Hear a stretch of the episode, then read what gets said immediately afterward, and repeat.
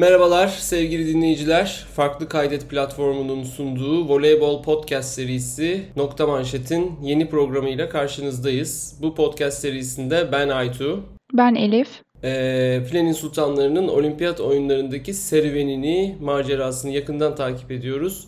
Bu maceraya tanıklık ediyoruz. Elif maalesef çok güzel bir program açılışı yapamayacağız. Büyük ihtimalle kapanışını da çok güzel yapamayacağız. Bundan önceki programlarda sana nasıl hissettiğini sorarak başlamıştım. İyi günde madem sorduk, kötü günde de soralım. Nasıl hissediyorsun? Yani tabii ki çok kötü hissediyorum. Favori gösterildiğimiz, aslında bir nebze rahat geçebileceğimiz bir maçı e, birazdan konuşacağımız bazı nedenler e, sebebiyle kaybettik. Yani hala ara ara aklıma gelip inanmakta zorluk yaşadığım bir maç büyük ihtimalle de seneler boyunca aklımızdan hem bizim hem oyuncularımızın belki de staff'ın aklından çıkmayacak bir maç oldu. Sen nasıl hissediyorsun? Çok kısaca neden konuştuğumuzu söyleyelim tabii ki bu programı dinleyenler büyük ihtimalle biliyorlar ama Türkiye maalesef olimpiyat çeyrek finalinde Türkiye Kadın Milli Voleybol takımı Güney Kore'ye 3-2 yenilerek elendi. Ee, yarı finale çok yaklaşmıştı milli takımımız. Tamamıyla favori gösterildiği bir maçtı e, Voleybox'taki örneğin Voleybox'taki tahminlerde %96 oranında Türkiye'nin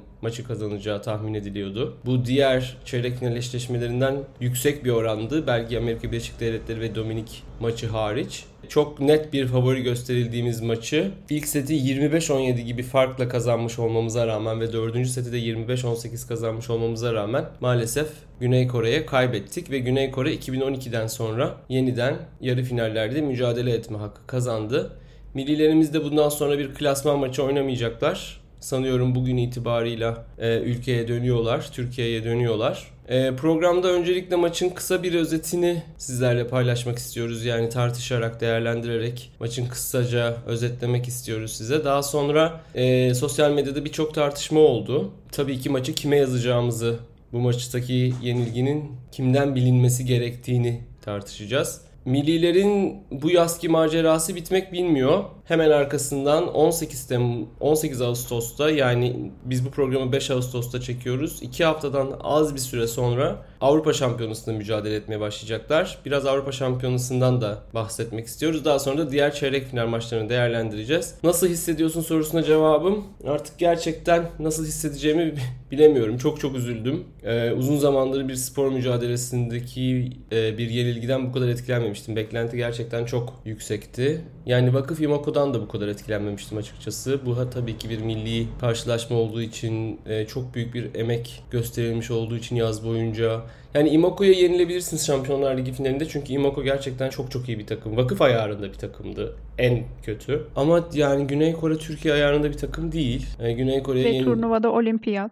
Turnuva olimpiyat. 4 yılda bir görüyoruz. Çok zor ulaştık bu olimpiyata. Bir yıl ertelendi. Çok iyi gidiyorduk. Üçüncülükle çıktık gruptan. Çok iyi bir kurra çektik. Yani bütün bunların hepsini göz önünde bulundurunca yenilmiş olmamız gerçekten çok büyük bir hayal kırıklığı yarattı. Bunun ötesinde bir travma yaratmasından korkuyorum ben açıkçası milli takımda. Bunların hepsini konuşacağız. Maçı özetlemeye başlarsak birinci sette çok iyi bir performans sergiledik Elif. Ne düşünüyorsun birinci setteki performansımız hakkında? Aslında sete etkili servisler atarak başladık. Güzel girdik. Kimi e, oyuna sokmadık. E, yani kim oyuna giremedi bir türlü. E, evet. Ama yine de farklı yerlerden kimi hücum ettirdiler. Farklı yerlerden kastım tabii 3 numaradan. Orta hücumcu gibi 3 numaradan kim hücumları izledik. Ama çok fazla e, oyuna giremedi açıkçası kim ilk sette. Hande servis karşılamada hatalar yapmaya başladı. Hatta Hande'nin ilk hücum sayısı 20-14'te geldi. Ve e, seti de ilk seti 6'da 1 ile e, kapattı. Yani 6 pas alıp sadece birini öldürebildi. Hı hı. Ki zaten bu paslardan biri de sistem dışıydı. İki servis karşılama hatası, bir servis hatası, bir de hücum hatasıyla seti kapatmış. Set 21-15'e geldiğinde önceden planlı bir ikili değişik yapıldı. E, yani e, Naz ve Ebrar oyuna girdi. Naz ilk pasını Meliha'ya atıyor ama çok yüksek bir pas alıyor Meliha. E, ve bunu plaseyle karşıya göndermek zorunda kalıyor. Parmak pasla daha doğrusu. E, biz blokla sayıyı alıyoruz ama kim e, Ebrar'ın kollarından sayıyı alıyor. Sonra yine biraz e, bize yaklaşmaya yaklaşmaya çalışıyor Kore. Farkı kapatmaya çalışıyor. Hı hı. Sonrasında seti Ebrar'ın float servisiyle ace alarak kapatıyoruz. 20 25 18 e 17 dediğin gibi. Ebrar smaç servisten smaç servis yerine jump float servis attığında yani zıplayarak float servis attığında daha e, etkili olduğu, daha etkili olma olasılığının arttığı şeklinde yorumlar yapılıyordu. Bu da ona bir örnekti. Smaç servis çok riskli tabii. Evet, bence de daha etkili atıyor. Evet, daha riskli olduğu için kaçma ihtimali veya tam istediği gibi istediği yere atma ihtimali e, ol, olmayabiliyor. Çünkü topu çok yükseğe atıyorsunuz. Adımlamanız topla buluştuğunuz yer, avucunuzun topa oturması bir sürü etken var orada. Ama float serviste teknik olarak e, daha zor ama adımlama, zamanlama açısından daha az riskli bir servis stili. Ve bence de Ebrar daha etkili bu serviste ki bu da set sonunda aldığı ace'le bunu göstermiş oldu. Bu set bloklarımız aslında oldukça iyi çalıştı. 6-2 bloklarda öndeydik bu sette. Hem Eda'nın hem Zehra'nın bloklarını gördük. Sanıyorum daha çok Eda'nın ve de diğer oyuncularımızın bloklarını gördük. Ve Lavarini de molada yani en azından deneyemez miyiz? Tamam favori değiliz ama en azından deneyemez miyiz dedi dedi. Yani bu set gerçekten tam beklediğimiz gibi başladık mücadeleye. 25-17 ile başladık ama e, oyuncularımızın üzerindeki o panik havası geçmedi sanki ikinci sette. Evet, e, yani birinci setten başlayan gerçekten bizim de dikkatimizi çeken bir panik havası vardı takımda. E, yani birinci sette aslında evet kazandık ama tam istediğimiz oyunu sergileyebildiğimizi söyleyemeyeceğim açıkçası. Etkili servis attık ama servis karşılamamız çok iyi değildi. Bloklarımız iyiydi ama smaçörlerimiz top öldürmekte çok etkili olamadı. E, pasların belki çok fazlası değil. İkisi üç tanesi sistem dışıydı veya istendiği gibi atılmadı pas kalitesi açısından. Çok büyük bir sıkıntı yoktu. E, dediğin gibi 6 tane blok yaptık. 11 kere de blok sektirmişiz. Büyük ihtimalle bizi biraz daha avantajlı konuma çekenlerden bir tanesi buydu. Hücumda onların dirençlerini kırdık ama bir de konuşmamız gereken bir başka şey de kim oyuna bir türlü giremedi. Etkili servislerimizin herhalde. Evet etkisiyle o biraz. Evet olabilir. Biz %43 ile servis karşılamışız. %46 ile hücum yapmışız. 3 tane de ace bulmuşuz birinci sette. Aslında çok fena bir giriş değil ama dediğim gibi servis karşılamamızın ve hücum yüzdemizin daha yüksek olması gerekiyordu. İkinci sete yine Cansu ile Meryem'le başladık. Ee, hemen başında fark açıldı. Servis karşılamamız oldukça bozuldu ikinci sette ve Hande yerine Şeyma tem set ortasında oyuna girdi. Birinci sette servis karşılamamız %43 iken ikinci sette daha sonra Şeyma'nın girmiş olmasına rağmen rağmen yani bütün sete baktığımızda %38 de servis karşılayabildiğimizi görüyoruz. Gerçekten de bozulmuş bir servis karşılama performansı var ikinci sette. Evet. Zaten çok iyi olmayan bir servis karşılama performansının daha da bozulduğunu görüyoruz. Evet ikinci setin servis karşılama performansı gerçekten birinci sete kıyasla çok daha kötüydü. Zaten ikinci setin e, zor ve e, bir nebze kötü geçeceği birinci sayıdan belliydi. Dönen toplarla geçen uzun bir rally oldu ilk sayı ve Meliha'nın sayısıyla ilk sayıyı almıştık. E, rally'yi bitiren sayısıyla. İlk sayıda üst üste bu rally'de Hande'nin çok muhteşem defansları vardı. Harika defanslar yaptı gerçekten. Her topu arka, arkaya düşen her topu aldı Hande bu rally'de. Ama servis karşılamada dediğin gibi setin başından sonuna devam eden bir e, sorun yaşamaya başladık. Bu sadece Hande'de değil, e, Simge'nin de Meliha'nın da servis karşılama performansı gerçekten çok kötüydü. Böyle olunca Cansu fileye yapışık pas vermek zorunda kaldı. E, orta oyuncuyla istediği hücum uyumunu yakalayamadı. Sadece orta oyuncuyu daha iyi manşet geldiğinde kullanmaya çalıştı. Yeterince orta hücum yapamadık zaten ikinci sette de. Nokta manşet geldiğinde dediğim gibi bir tek. Çok iyi manşet gelmediğinde de ortayı kullanmaya çalışan bir pasör aslında Cansu. Yani Naz'dan farkı biraz daha o herhalde. Yani e, beklenmedik pasları bazen nadiren de olsa atabilen bir e, pasör ortaya. Yani bir varoş değil tabii henüz ama bunu deneyen bir pasör ama ikinci sette gerçekten bunu bile yapamadı. Evet, dediğimiz gibi gerçekten çok kötü bir servis karşılama performansı sergiledik. Dediğim gibi Hande, Simge dahil, Meliha dahil hepsi, pek iyi servis karşılayamadı. Kim, Eda'yı takip edip çok, iyi bir blok yaptı. O, pozisyon sonrasında aldığımız mol molada Guidetti Eda'ya havada çok fazla beklediğini, kolunu daha hızlı vurması gerektiğini, söyledi ve "High ball devam edemeyiz, manşetlerimizi düzeltmemiz gerekiyor." dedi ama manşetlerimiz bir türlü düzelmedi ve Kim 3 numaradan, eee, 4 numaradan Milan hücumlarla sayılarını almaya devam etti. Galiba hiç blok yapamadık ikinci sette. Hiç blok yapamadık. Evet hiç blok yapamamışız. 10 blok sektirmişiz. Ee, yani kim aynı açıdan aynı e, yere vurmasına rağmen bloklarda bir türlü kimi durduramadık. Zaten ilk sette de çok fazla iyi performans gösteremediği için daha fazla asıldı büyük ihtimalle Kim. Kore genel olarak çok iyi defans yaptı bu sette. Ee, bizim de e, Simge'nin defanslarının öne çıktığı bir set oldu ama servis karşılayamadıktan sonra pas kalitesi düştüğü için çok da ön- bir önemi olmadı açıkçası. Simge'den ace aldılar yani. Evet. Evet gerçekten ikinci setteki servis karşılama performansımız kötüydü. Ben bu üçüncü, ikinci setteki servis karşılama performansımızın kötü olmasının birazcık e, Guidetti'yi paniklettiğini düşünüyorum açıkçası. E, üçüncü sete başlarken e, Hande'yi oyuna geri almasını bekliyorduk. Hı-hı. Çünkü ikinci sette e, hücumda çok sıkıştık. Yani iki tane defansif smaçör Şeyma ve Meliha ile e, tamam ikisinin de servis karşılaması iyi ama ikinci sette bu çalışmadı. Zaten ikinci sette iyi bir sonuç da alınamamıştı. Ben açıkçası üçüncü sete girerken Hande'yi oyuna geri almasını bekliyordum ama Şeyma ve Meliha oyunda kalmaya devam ettiler. Hücumda çok sıkışık olduğumuz e, bir set oldu bu. Yani Meryem çok çaba sarf etti bu sette seti alabilmek için ama e, gerçekten hücumda çok sıkıştığımız ve sonunda 28-26 kayb- kaybettiğimiz bir set oldu. Evet, yine setin başından zor bir set olacağı belliydi. Çünkü bu sete de servis karşılama ve hücum hatalarıyla başladık. Meryem'in hücum sayılarıyla dediğin gibi sete tutunmaya çalıştık. Zehra'yı hücumda kullanıyoruz. E, ara ara sayı alıyoruz ama Kore e, ortalarımızı 3. E, ikinci sette olduğu gibi ortalarımızın hücumlarını defansla çıkarabiliyor. Yani ben özellikle dikkat ettim neden ortalarımızın topları ölmemiş? Acaba zamanlamada veya pasta mı sıkıntı var diye. Tabi ara ara paslar tam istendiği gibi olmamış olabilir ama gerçekten Kore orta hücumlarımıza çok iyi defanslar yapmış. Bazen belki şansa veya gerçekten iyi çalışılmış olabilir. İyi pozisyon tutmuşlar orta hücumcularımızın e, vurduğu noktalara. O yüzden ortalarımız da çok isteneni verememiş. Bu sette gerçekten nasıl power smaçörsüz oynamayı yakıştırdığını takıma anlayamıyorum Guidetti'nin. Yani Ortalar da istendiği seviyede top öldüremiyor. E, sadece Meryem kalıyor top öldürebilecek olan. E, o da yani tamam ilk çok iyi oynadı ama yani bir oyuncudan ne kadar şey beklenebilir?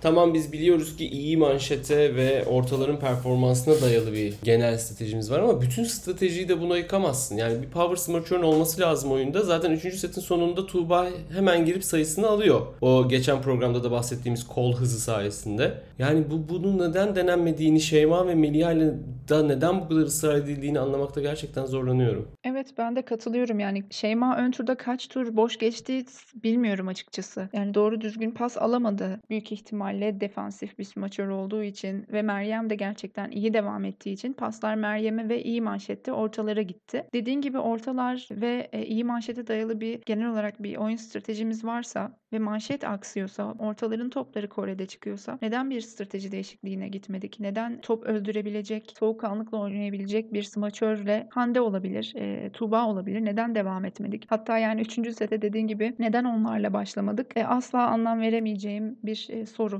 cevap veremeyeceğim bir soru. E, dördüncü sette iyi başlayınca yani dördüncü setin sonunda ortaya çıkan fark 25-18 kazandık dördüncü seti. Sanki böyle iyi başlayınca kolay kazandığımız bir setmiş gibi gözüküyor. Birinci set gibi gözüküyor dışarıdan bakınca ama aslında öyle değil. 14-12'de bayağı yaklaşıyorlar e, bize ve en sonunda yani dördüncü setin ortasında iki seti Power Smaçörsüz geçirdikten sonra yani hücum yapabilen bir smaçör olmadan geçirdikten sonra yani Melian hücumları tabii ki Şeyman hücumlarından daha iyi ama o da sonuçta e, takımdaki işlevi defans, defansif smaçör olmak. Tubay oyuna girince beklendiği gibi bir, birden oyunda işler düzeliyor. Tuba üst üste sayılarını alıyor. E, 18-14'e çekiyoruz maçı. Set sonunda e, set sonuna yaklaşıyoruz ve birazcık olsun rahatlıyoruz. E, gerçekten Power Smaçör'ün e, farkı kendini gösteriyor. Daha sonra yine set sonunda Naz ve Ebrar giriyorlar ikili değişiklikle.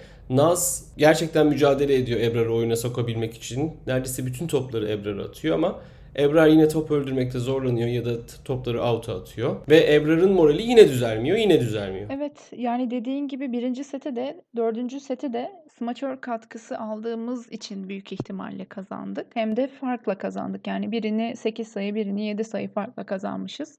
Servis karşılamamız düzelmiş. Ebrar hakkında da Açıkçası son maçlarda düşen performansı ile Arjantin'de bir nebze Arjantin maçında bir nebze kendine bulmuş olabilir. Ama rakibin Arjantin olduğunu unutmamak gerekiyor. Arjantin maçı da e, Ebrar'ın performansı için referans alınabilecek bir maç mı? O da soru işareti tabii ki. Büyük ihtimalle Meryem'i dinlendirmek ve Ebrar'a biraz da cesa Ebrar'ı cesaretlendirmek için oyuna aldı. Zaten ikili değişiklik yaptığında genelde çok da düşünmeden oyuna sürüyor bence Guidetti. Set sonlarında. Dediğin gibi Naz onu oyuna sokmaya çalıştı. Pasları ona attı hep ama e, bir türlü topu öldüremedi Ebrar. Dediğin gibi Tuğba gerçekten iyi bir set çıkardı. Zaten 3. sette de girdiği yerde ilk aldığı pası dahil öldürmüştü. Sonrasında gerçi arka, arka tura geçince Şeyma ile değişmişti ama belki kalsaydı yine korerliğini devam ettirecekti. Yani 4. Setiç dediğim gibi çok yüksek ihtimalle e, senin de vurguladığın gibi smaçör katkısının öne çıkmasıyla e, aldık. Beşinci sette Tuğba ile başlıyoruz.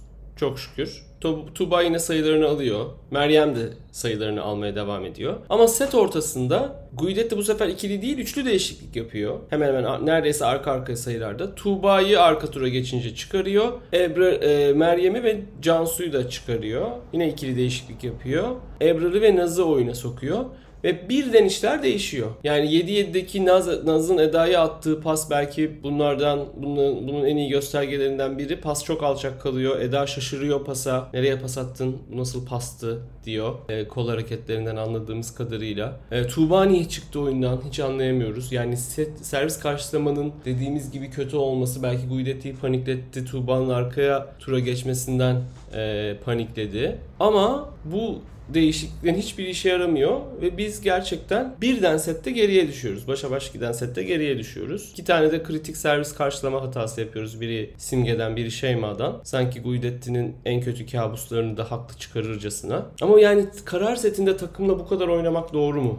gerçekten. Tam da bir ritim yakalanmışken ve power smaçörsüz oynamanın da hiçbir işe yaramadığını görmüş olması gerekmiyor muydu? Guidetti'nin. Katılıyorum sana. Zaten final setini en çok izlemekte zorlandım büyük ihtimalle. Çok üzücü ve kritik bir setti. E, izlemesi de dediğim gibi çok zor bir setti. Yapılan değişikliklere mi e, kızsam, bu değişikliklerin zamanlamasına mı kızsam, sahada yer alan oyuncuların oyuncu kombinasyonuna mı kızsam bilemiyorum yani. Hangisinden dem vursam açıkçası çok bilemiyorum. Dediğin gibi önde başladık. 6-3, 7-5 bir şekilde önde sürdürmeye devam ettik. E, sonra dediğin gibi yine Ebrar Naz değişikliği oldu. E, Tuğba blok yedikten sonra. Sonrasında Tuğba Meliha değişikliği oldu. Sonra Naz İtalyan basında sansasyonel olarak çevrilen e, bir pas hatası yaptı. E, ve 8-7 öne geçti Kore ve saha değişimine o şekilde girmiş olduk. Ebrar ace buldu. Hani bir şekilde hadi toparlanacağız galiba olacak derken servis karşılama hatalarımız, servis hatamız yani Meryem'in çok kritik yerde gelen hücum hatası. Dediğin gibi yine şey Hande değişimi oldu. Ve o hücum hatasından sonra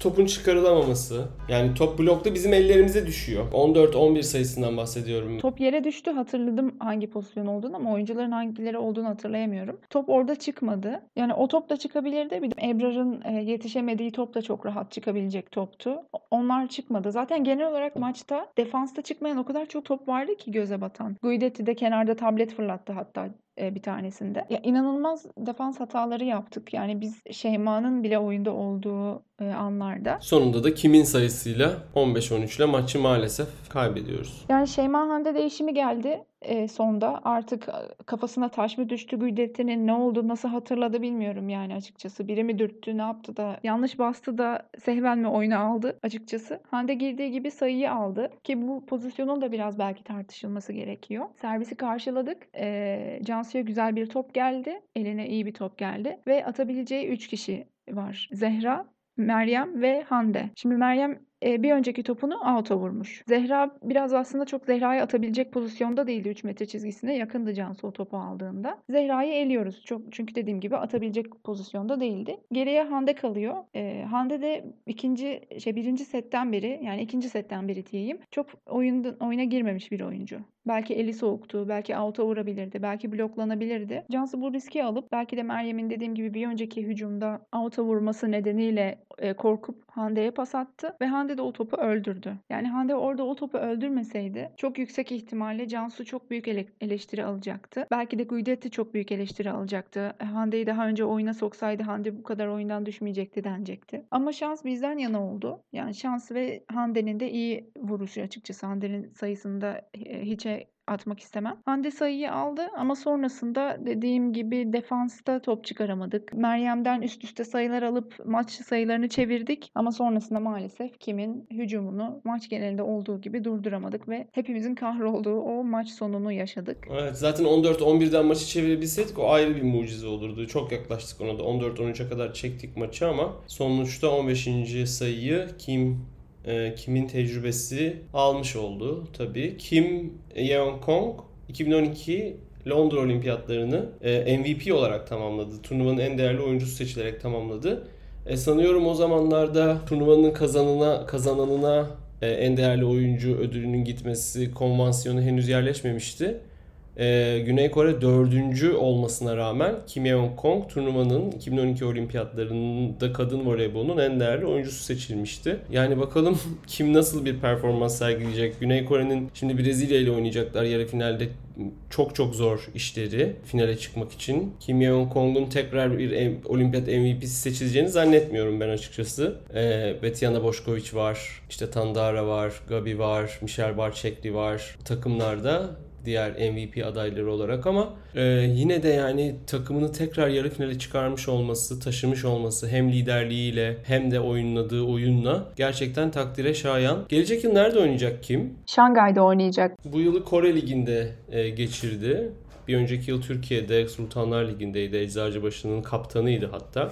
Bu turnuvayı çok iyi geçiriyor Kim. Dediğin gibi hem kaptanlığı hem de takımı bir araya getirmesi ve skor katkısı, pasör çaprazı gibi skor yükünü taşıyan e, bir smaçör Kim. Bu Dominik maçında da öne çıkmıştı. Dominik maçıydı galiba yanlış hatırlamıyorsam. Bir de Japonya maçında e, gerçekten çok iyi oynamıştı Kim. Burada da gerçekten takımını çok iyi sürükleyip maçı almayı bildiler. Zaten yani kimin iyi oynamadığı bir maçı Kore takımının kazanmasına çok da imkan yok. Ee, birazcık eleştiri alan konulardan bir tanesi de gerçekten kısa bir takım Kore takımı. Yani e, bloklarımızın daha fazla çalışmasını umuyorduk. Yani defansları belki çok iyi olabilir ama hani hücumlarının bu kadar iyi çalışmasını, bu kadar iyi yapmalarını beklemiyorduk gerçekten. Peki genel olarak düşündüğümüzde sosyal medyada iki farklı teori, iki farklı argüman tartışıldı maçtan sonra. Ee, bir, bir grup insan bu maçın sorumluluğunun Guidetti tarafından, Guidetti ve teknik ekip tarafından üstlenilmesi gerektiğini düşünüyordu. Yani biraz daha amiyane bir tabirle maçı Guiye, Guiye yazıyorlardı bu insanlar. Hem yaptığı ya da yapmadığı değişikliklerle e, takımın sükunetini sağlayamamasıyla. Bir grup sosyal medya kullanıcısı da ya olur mu öyle şey? Guidetti girip manşet alacak ya da smaç vuracak ya da pas atacak hali yoktu. Onaz'ın smaçları neydi? E, Şeyma bile bir defans yapamadı. Ebrar'ın suratından düşen bin parça ne yapsın? Guidetti de ne yapsın artık e, diye bir görüşü savundu ve oyuncuları yine amiyane bir ta- e, pardon maçı amiyane bir tabirle oyunculara yazdı. Ee, sen ne düşünüyorsun bu tartışma hakkında? Güney Kore maçını kaybetmemiz gerçekten büyük bir travma. Uzun sürede tartışılacak, konuşulacak, üzerinde düşünülecek e, bir maç. Sen ne düşünüyorsun bu konu hakkında? Maçın kaybedilmesinin sorumluluğu sence kimde?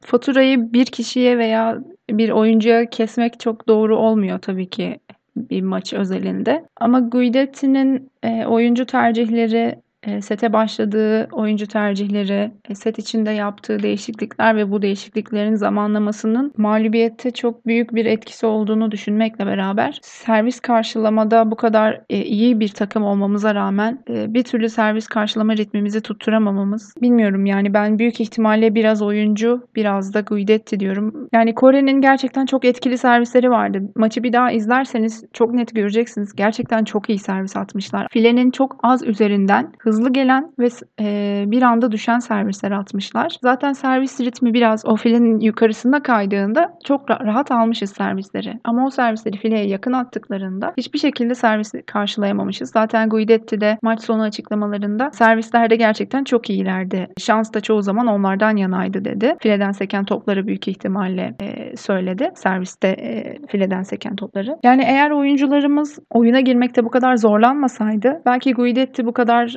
oyuncu değişikliği yapmak durumunda kalmayacaktı. Ama e, tabii ki ne Guidetti ilk defa böyle bir turnuva oynuyor ne de oyuncularımız. Yani evet Eda ve Naz dışında bu tur e, olimpiyata ilk defa katılıyoruz. Ama üst düzey oyunlarda ilk defa karşılaşmıyoruz. Çok paniktik. Yani ben genel olarak büyük ihtimalle favori gösterilmemizin yükünü taşıyamadığımızı düşünüyorum. Tekrar izlediğimde molalar olsun, set atılmadan önce oyunculara file önünde yapılan işte kamerayla zoomlar olsun ne kadar stresli oldukları çok dikkatimi çekti açıkçası. Hani evet çok rahat oynasınlar, soğukkanlı olsunlar demek çok kolay ama bunu başarabileceklerini düşünüyordum ben açıkçası. Çok büyük maçlar oynayarak buraya geldik. Hem olimpiyat elemeleri hem Avrupa Şampiyonası'nda oynadığımız maçlar. Yani az çok bu anlara hazır olmamız gerektiğini düşünüyorum. Ama dediğim gibi olimpiyatların grup turunda yaptığımız maçlar da çok e, üst düzey maçlardı. Evet. Büyük ihtimalle dediğim gibi o servis karşılama ritmini sağlayamadığımız için çalışmış olduğumuz oyun kurgusunu e, sahaya yansıtamadık. Oyuncuların e, yanında belki de Guide, Guidetti de biraz e, panikti. Yani yaptığı tercihler biraz bunu gösteriyor açıkçası. Çok mantıklı e, oyuncu değişiklikleri yapmadı. Senin e, Twitter'da yazdığın gibi daha önceden denenmemiş rotasyonla set oynadık. Yani hani bırakın set sonu falan değil, komple bir set oynadık. Evet yani Şeyma, Meliha, Meryem ne zaman beraber oynamışlar?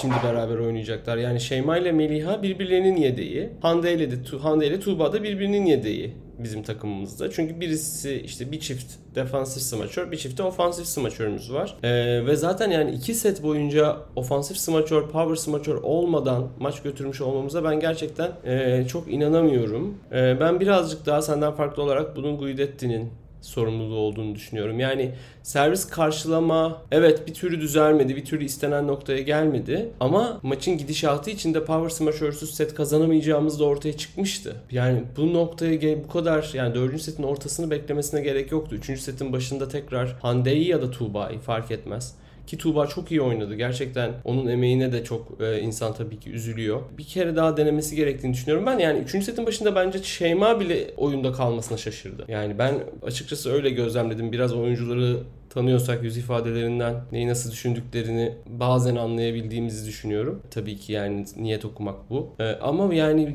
gerçekten 3. setin başında neden bir ofansif smaçörü oyuna sokmadığı benim için büyük bir muamma olarak kalacak. Evet yani genel olarak düşündüğümüzde Guidetti'nin daha hatalı olduğunu ben de düşünüyorum. Ama sonuçta ben baştan sona giderek düşündüğümde yani oyuncularımız o istenen oyunu sergileseydi bu noktaya gelmeyecekti. O açıdan söyledim. Yoksa bence de Guidetti'nin yaptığı çok kritik hatalar vardı. Yani biz bu e, podcast serisine başlamadan önce olimpiyatlara nasıl geldiğimizi anlattığımız bir podcast yapmıştık. Orada Ferhat Akbaş'ın tecrübesizliğinden konuşmuştuk. Yani madem Guidetti'nin böyle tecrübeleri var. ilk olimpiyatı değil. E, Hollanda ile de olimpiyatlara gitti. Çok da güzel başarılara imza attılar. Dördüncü olmalarına rağmen gerçekten çok iyi bir performans sergilediler. Yani madem böyle bir tecrüben var milli takımla da çok yakınsın. Çok e, sistemin oturmuş.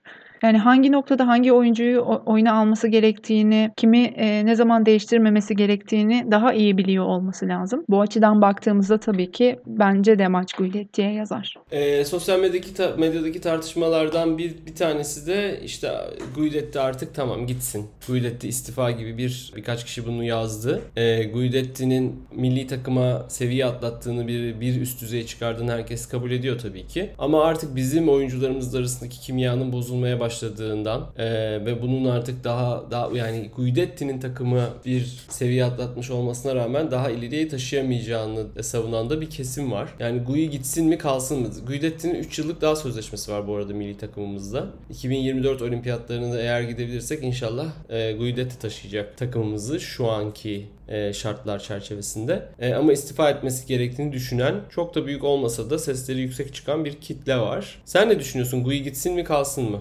Yani Guidetti olimpiyatlara kadar gelmemizi sağlayan bir antrenör açıkçası. Belki de Guidetti olmasaydı olimpiyatlarda olabilecek miydik? O da soru işareti. Yani o olmasaydı olimpiyatta olamazdık diyemem asla yani. Çünkü bilemeyiz ne olacak, ne olup ne biteceğini. Tabii ki olimpiyat gibi bir turnuvada Kore olmasaydı, Brezilya'ya yenilmiş olsaydık bu tartışmaların hiçbiri olmayacaktı büyük ihtimalle. Ama e, kağıt üzerinde gerçekten üstün olduğumuz ve e, olimpiyatlarda da çok üstün başarılar elde edememiş 2016'yı da sayarsak bir takıma karşı e, böyle bir mağlubiyet almamız ve çok e, yani çok kişinin dediği gibi bizim de burada tartıştığımız gibi Guidetti'nin hatası hataları nedeniyle de az çok e, kaybetmiş olmamız bu tarz eleştirileri kaçınılmaz yaptı açıkçası. Yani ama ben istifa etmesi gerektiğini ya da görevden alınması gerektiğini düşünmüyorum. Sadece bir kontrol mekanizmasının işletilmesi gerektiğini düşünüyorum ben. Yani gerçekten her kararında bağımsız mı Guidetti yoksa e, arkasında e, eleştiren veya işte abi ne yapıyorsun diyen biri var mı? Bunların biraz sorgulanması gerektiğini düşünüyorum. Hemen e, ilk başarısızlıkta istifa istemek de biraz haksızlık açıkçası. Yani şimdiye kadar aldığı başarılar kızlarla e, geldiği nokta açısından haksızlık olduğunu düşünüyorum ben. Ama sırf bizi olimpiyatlara getirdi diye de susup oturmayı da doğru bulmuyorum açıkçası. Dolayısıyla burada benim vereceğim cevap şu. E, Guidetti'nin aldığı kararları kadro seçimi olabilir bu. E, kadro e, yani geniş kadro seçiminden bahsediyorum. Geniş kadro seçimi, ilk altı seçimi ve e, oyuncu değişikliklerinin gerçekten eleştirilebiliyor mu e, staff tarafından? Bunların yani müdahale edilebiliyor mu Guidetti'nin kararlarına? Bunların biraz soruşturulması gerektiğini düşünüyorum ben. Yani bir kontrol mekanizması gerekiyor. Yani Guidetti biraz fazla bağımsız kalsın ama e, birazcık daha sorumluluğu paylaşsın ya da birazcık daha hesap verebilir olsun diyorsun. Yani bize karşı ya da sosyal medyaya karşı değil tabii ki ama federasyon içindeki bir mekanizmaya karşı. Evet federasyona ve staff'a karşı bu şekilde bir e, uygulama yapılması gerektiğini düşünüyorum ben. Evet geçenlerde Twitter'daki önemli voleybol hesaplarından biri Voley Serkan da bunu söylüyordu e, Guidetti'nin yani Vakıf Bank'ta Gözde Kırdar'ın Vakıf Bank'ta takım kaptanı Gözde Kırdar'ın Guidetti'ye karşı bir tür kontrol mekanizması oluşturduğunu, onun kararlarını sorgulayabildiğini, bunu da baskın bir karakter olduğu için Guidetti ile yeri geldiğinde çatışabildiğini ve bunun da aslında Vakıf Bank'ın başarısında çok önemli bir rol oynadığını söylüyordu. Yani belki Türkiye Milli Voleybol takımında da Eda bir nebze bu rolü üstleniyor olabilir. Eda da baskın bir karakter e, Gözde gibi. E, ama milli takıma yönelik kararlarda ne kadar kadar Guidetti'nin yetkiyi paylaşmak isteyeceğini de göreceğiz. Yani 2020'de tekrar sözleşme yaptıklarında aslında Guidetti'nin sorumluluk alanı arttırıldı. Altyapıdan seçilecek oyuncular, altyapıdan yetiştirilecek oyunculara da oyuncularla ilgili de söz hakkı verildi e, Guidetti'ye. E, bakalım bundan sonra neler olacak. Çok kısa bir süre kaldı Avrupa Şampiyonası'na. Maalesef e, milli yani voleybol milli takımlarının milli takım sezonları gerçekten çok sıkışık. Milli takım takvimleri gerçekten çok sıkışık. Bu yıl tabii ekstra da bir sıkışıklık var. E, olimpiyatlar bir yıl ertelenmiş olduğu için. E, iki haftadan az bir süre sonra Türkiye milli voleybol takımı ilk Avrupa Şampiyonası maçına çıkacak. Gruptaki rakiplerimiz Romanya, Ukrayna, İsveç, Finlandiya ve Hollanda. E, bu takımlarla maçlarımızı 18, 20, 22, 23 ve 24 Ağustos'ta oynayacağız. Yani 7 günde 5 maç yapacağız. Gerçekten çok çok sıkışık bir takvim var. Gruptaki maçlarımız görece kolay. Son maça kadar, Hollanda maçına kadar. Ee, ne diyorsun yani milli takım tekrar toparlanabilecek mi mental olarak? Ee, nasıl bir Avrupa şampiyonası beklemeliyiz?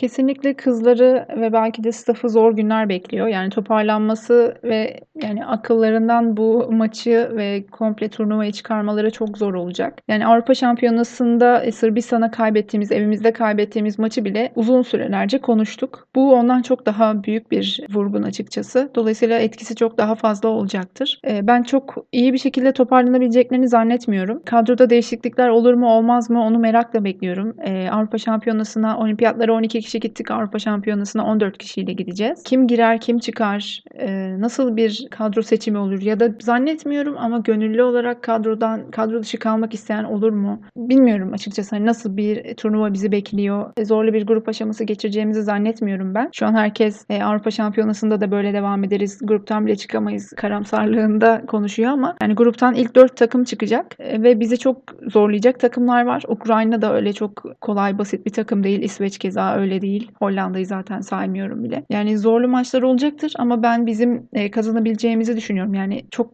kötü oynamamız gerekiyor gerçekten ilk dörde girmemek için. Dediğin gibi 7 gün 5 maç. Voleybol zaten e, takvimi e, sıkışık bir branş. Gerçekten e, sanırım takım oyunları içerisinde en fazla turnuva olan branş olabilir voleybol. E, dediğin gibi de olimpiyatların ertelenmesi de e, Avrupa Şampiyonası'yla bu şekilde çakışmış oldu. Doğru düzgün ara veremeden belki de toparlanamadan oyna oynamamız gerekecek. Yani burada sanırım önemli olan kadro seçimi ve mental olarak sahaya nasıl çıkacağımız. Onun sonrasında bir şekilde oynayacağımızı düşünüyorum. Kadro seçiminde 14 kişi olacağımız için 12 e, kişilik bir kadroyla gitmiştik olimpiyatlara.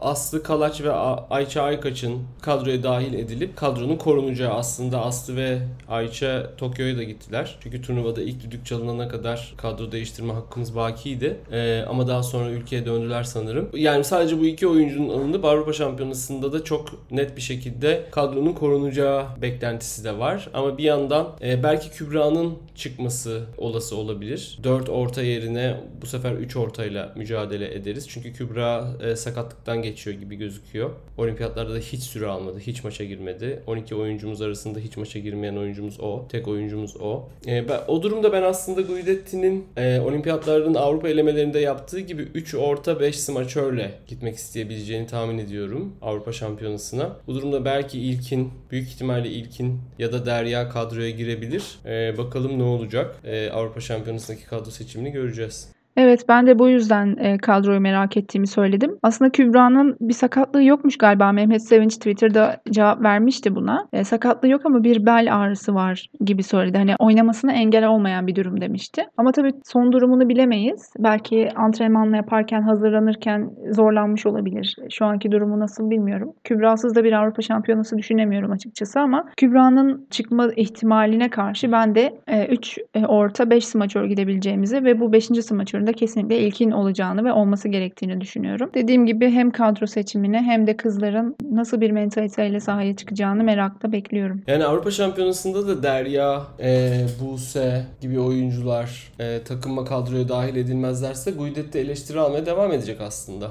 Naz gerçekten e, pek iyi bir turnuva geçirmedi olimpiyatta. Yani sadece bir maçta, o da hangi maçta hatırlamıyorum. Onun dışında genel olarak pas kalitesi çok düşüktü. Yani bu son maçı konuşmak bile istemiyorum açıkçası. Bazı şeyler not almıştım ben bu yayında çok söyleyemedim ama attığı paslar ve bazı yerlerde, kritik yerlerde pas tercihleri çok tartışılması gereken e, paslardı. E, Avrupa Şampiyonası'na katılmak isteyecek mi? E, belki katılmak istemeyecek. Katılmak isterse Guidetti tercih edecek mi? Yani Naz bu şekilde devam ederse, edecekse bence de kadroda olmamalı. Ama bir şekilde toparlayıp iyi maçlar çıkaracaksa Naz'ın e, kadroda olmasını tercih ederim. Bakalım Şeyma olacak mı? Şeyma da e, dünkü maçtan sonra büyük ihtimalle eleştirilecek. Eleştirilmekte hatta. Yani o da hücum kapasitesi maalesef sınırlı bir turnuva geçirdi. Ben onun da olup olmayacağını e, bekliyorum. Yani yine büyük ihtimalle Guidetti'nin kadrosunu koruyacağını düşünüyorum ama belki böyle bir iki dokunuşla e, değişiklikler yapabilir. Çünkü Viyanel'de bir olimpiyat hazırlığı yaptığı için kadroya çok dokundurmadı. Ama Avrupa Şampiyonası'ndan itibaren bir değişiklik yapması gerektiği üzerinde de bir e, ortak kanı var. E, merakla bekliyoruz.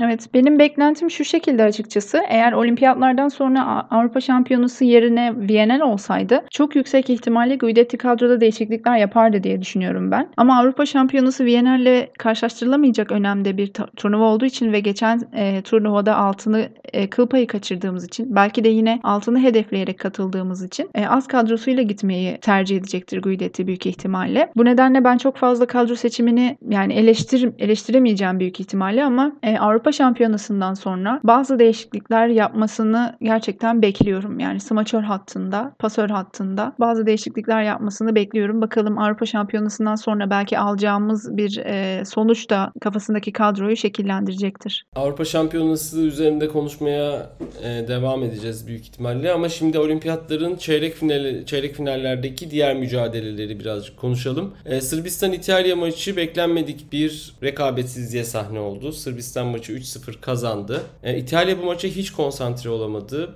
e, büyük geçmesi beklenen yani çok şiddetli geçmesi beklenen Boşkoviç Egonu düellosu da Boşkoviç'in kesin galibiyetiyle sonuçlandı. Boşkoviç klasını konuşturdu. Egonu da hatalarıyla konuşuldu. E, ne düşünüyorsun bu maç hakkında? Sırbistan yoluna devam ediyor ve Avrupa kıtasından kalan, yarı finallere kalan tek takım oldu. Dediğin gibi daha e, çekişmeli bir maç bekliyorduk kesinlikle. Sırbistan'ı belki favori gösteren çok fazlaydı ben buna dahil. Ama 3-0 bir net galibiyet alacaklarını kimse beklemiyordu açıkçası. Yani Sırbistan'ın Sırbistan İtalya dediği demeye dilim varmıyor açıkçası. Boşkoviç Egonu e, maçı oldu açıkçası. Spiker bile bir noktadan sonra normalde işte 10'a 7 İtalya önde demek yerine 5'e 1 Boşkoviç önde demeye başladı. Şakasız yani böyle bir maç izledim. Sırbistan'ın İtalya'yı bu kadar net bir şekilde yenmesinin anahtarı aşırı etkili servislerdi gerçekten ki zaten İtalya'nın servis karşılamada smaçörler açısından e, sıkıntılı olduğunu konuşmuştuk bundan önceki maçlarda. Pietrini'nin ve e, Sila'nın. Bunları çok iyi kullandılar. Filinin önüne düşen e, ve oyuncuyu da düşürecek servisler kullandılar. Öyle olunca da zaten çok fazla oyun kuramadı İtalya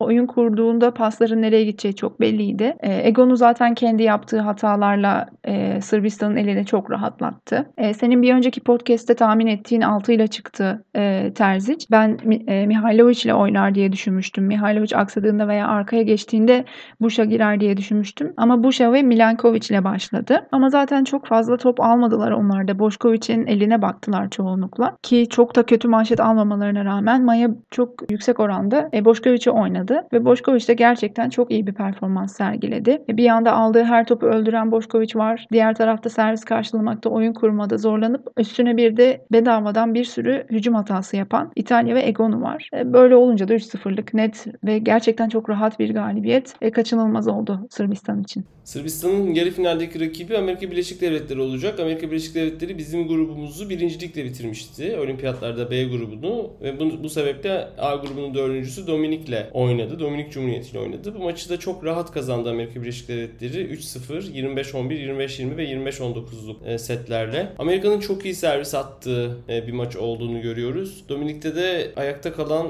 hücumcu neredeyse olmamış gibi. Sadece Briel'in Martinez'in ayakta kaldığını gördük. Diğer Diğer bütün hücumcular eksi verimlilikle bitirmişler maçı. E, Dominik de herhalde maçın gerektirdiği mental kapasiteyi, mental dayanıklılığı sağlayamadı.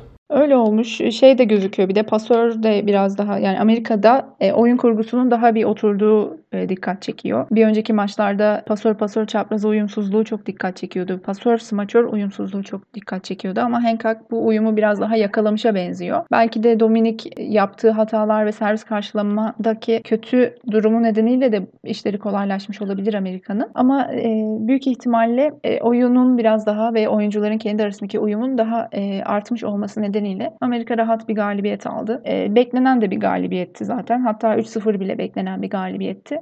Çok şaşırtıcı bir sonuç olmadı açıkçası Amerika açısından ve bizim açımızdan. Amerika bizim grubumuzdan yani ölüm grubundan yarı finale kalan, son dörde kalan tek takım oldu böylelikle. A grubunun birincisi Brezilya Rusya maçını kazanarak yarı finale çıktı. İkincisi Sırbistan İtalya maçını aldı. Üçüncüsü Kore'de Türkiye maçını aldı. Ee, as, yani ölüm grubu maalesef e, temsil, ölüm grubunun temsilcilerinin çeyrek finalde patır patır döküldüğünü izledik. Evet galiba ölüm grubu olarak biz bütün kurşunlarımızı kendimize harcadık. Mermimiz kalmadı gerçekten diğer e, A grubuyla savaşmak için. Kendi kendimizi bitirdik büyük ihtimalle içten içe. Belki performansımız bu şekilde etkilenmiş olabilir. E, yani ilk başta zor grupta olmanın avantajlarından bahsediyordu herkes. Guidetti dahil. Çıkarsak önümüz açık diye. Evet ama maalesef büyük ihtimalle bu dediğim sebepten ötürü oynadığımız üst düzey maçlar nedeniyle belki yorulduk. Mental bir yorgunluk oldu tabii B grubu takımlarında. Çünkü son ana kadar sıralama da belli olmadı. Evet doğru diyorsun aynen. Bunların hepsinin etkisi oldu. Ee, son maçta da eğer kazansaydık bizim yarı finaldeki rakibimizi be- belirleyecek olan maçta Rusya-Brezilya maçında Brezilya'da çok zorlanmayarak bir galibiyet aldı. 3-1'lik bir galibiyet aldı. Bizim maç hariç çeyrek finalin yine de en çekişmeli maçı buydu. Arena'nın servislerini merak ediyorduk. Yalnızca bir servis sayısı almış. Gabi Arena'nın servislerini gayet iyi karşıladı. Bir de üstüne Arena'yı bulan servisler attı. Arena'nın servis karşılaması da çok iyi değildi. E, Goncharova da %3 hücum verimliliğiyle oynayınca o da Egonu gibi çok fazla hata yapınca Rusya'nın pasör çaprazı Goncharova Brezilya kolay say- sayılabilecek bir galibiyet aldı. Evet hatta Brezilya e, maça çok iyi giremedi. Arena'nın servisleriyle başladılar. Arena'yı servis noktasında başlattı Rusya. Etkili servisler attı. Yani ace bulamamış olabilir ama gerçekten etkili servisler attı ve Brezilya oyun kurmakta zorlandı. Bunun üstüne bir de e, Roberta'nın e, gerçi Roberta diye söyleniyormuş galiba ama onun e, uyumsuzluğu çok dikkat çekti. Bir önceki maçta asla aratmamıştı Makris'i ama bu maçta smaçörlerle ve Tandara'yla da sıkıntı yaşadı. Tandara zaten oyuna bir türlü giremedi ki zaten sonrasında oyuna hiç girmedi Rosa Maria oynadığı için. Ama dediğin gibi hem serviste hem servis karşılamada hem de hücumda e, baskı kurmaya devam etti Brezilya. Roberto'nun çıkıp Makris'in girmesiyle de gerçekten oyunun e, seyri değişti. Daha hızlı ve daha kaliteli paslar attı Makris ve oyuncularını çok iyi oyuna soktu. Karol Gattaz inanılmaz bir performans gösterdi. Blokta, blok sektirmede ve tek ayaklarıyla gerçekten oyuna damgasını vurdu. E, yani Brezilya'nın e, galibiyetle maçı bitireceğini zaten tahmin ediyorduk. Rusya çok iyi bir giriş yapmış olmasına rağmen e, Brezilya bu maçı aldı. Yani aslında dediğim gibi pasör sorunu yaşamasaydı, yaşamasaydı Brezilya e, çok yüksek ihtimalle 3-0 alabilecekleri bir maçtı. Evet bu sonuçlarla beraber yarı finalde Sırbistan'ın rakibi e, Amerika Birleşik Devletleri, Brezilya'nın rakibi de Güney Kore olacak. Ee, yarın oynanacak yarı final maçları. Biz Nokta Manşet programında yarı final ve final maçlarını yorumlarını da sizlerle paylaşıyor olacağız. Son olarak milli takımımızla ilgili belki tekrar milli takımımıza döneriz. Onlar hakkında bir şey söyleriz. Yani şu an tabii ki büyük bir hayal kırıklığı yaşıyoruz ama aslında çeyrek finale çıkmış olması takımımızın tarihi bir başarı. Gruptan 3 galibiyet çıkarmış olmaları, Çin'i, Rusya'yı ve Arjantin'i yenmiş olmaları. Gerçekten gerçekten çok büyük bir başarı. Çok güzel bir voleybol izlettiler bize. Voleybolla dop dolu bir e, hafta yaşadık sahilerinde. Biz de bu programı onların serüvenini takip etmek için, e, daha iyi anlayabilmek için ve tanıklık etmek için e, yapıyoruz zaten. Yani bu hayal kırıklığı var sesimize de yansıyor dinleyicilerimizin anlayacağı gibi ama yine de çok çok teşekkürler Filenin Sultanlarına. Bu zor zamanlarda bize çok güzel duygular da yaşattılar. E, ben onlara çok teşekkür ederek bu yayını e, bitirmek istiyorum. Filenin Sultanlarına tabii ki teknik ekibi de dahil ederek söylüyorum bunu. Evet bu maçta yanlış tercihler yaptığını düşünüyorum ben kişisel olarak Guidetti'nin. E, ama yine de onun takıma katkısını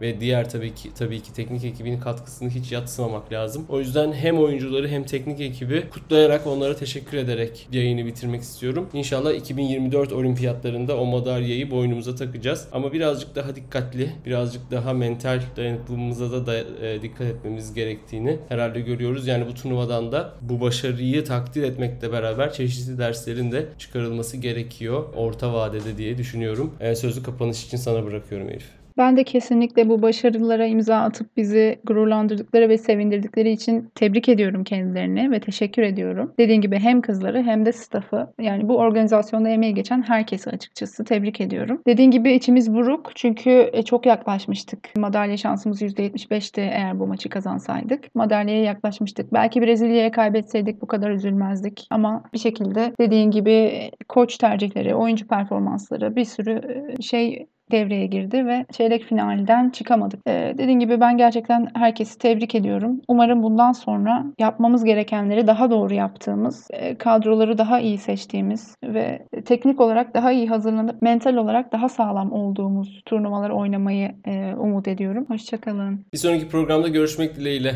Hoşçakalın.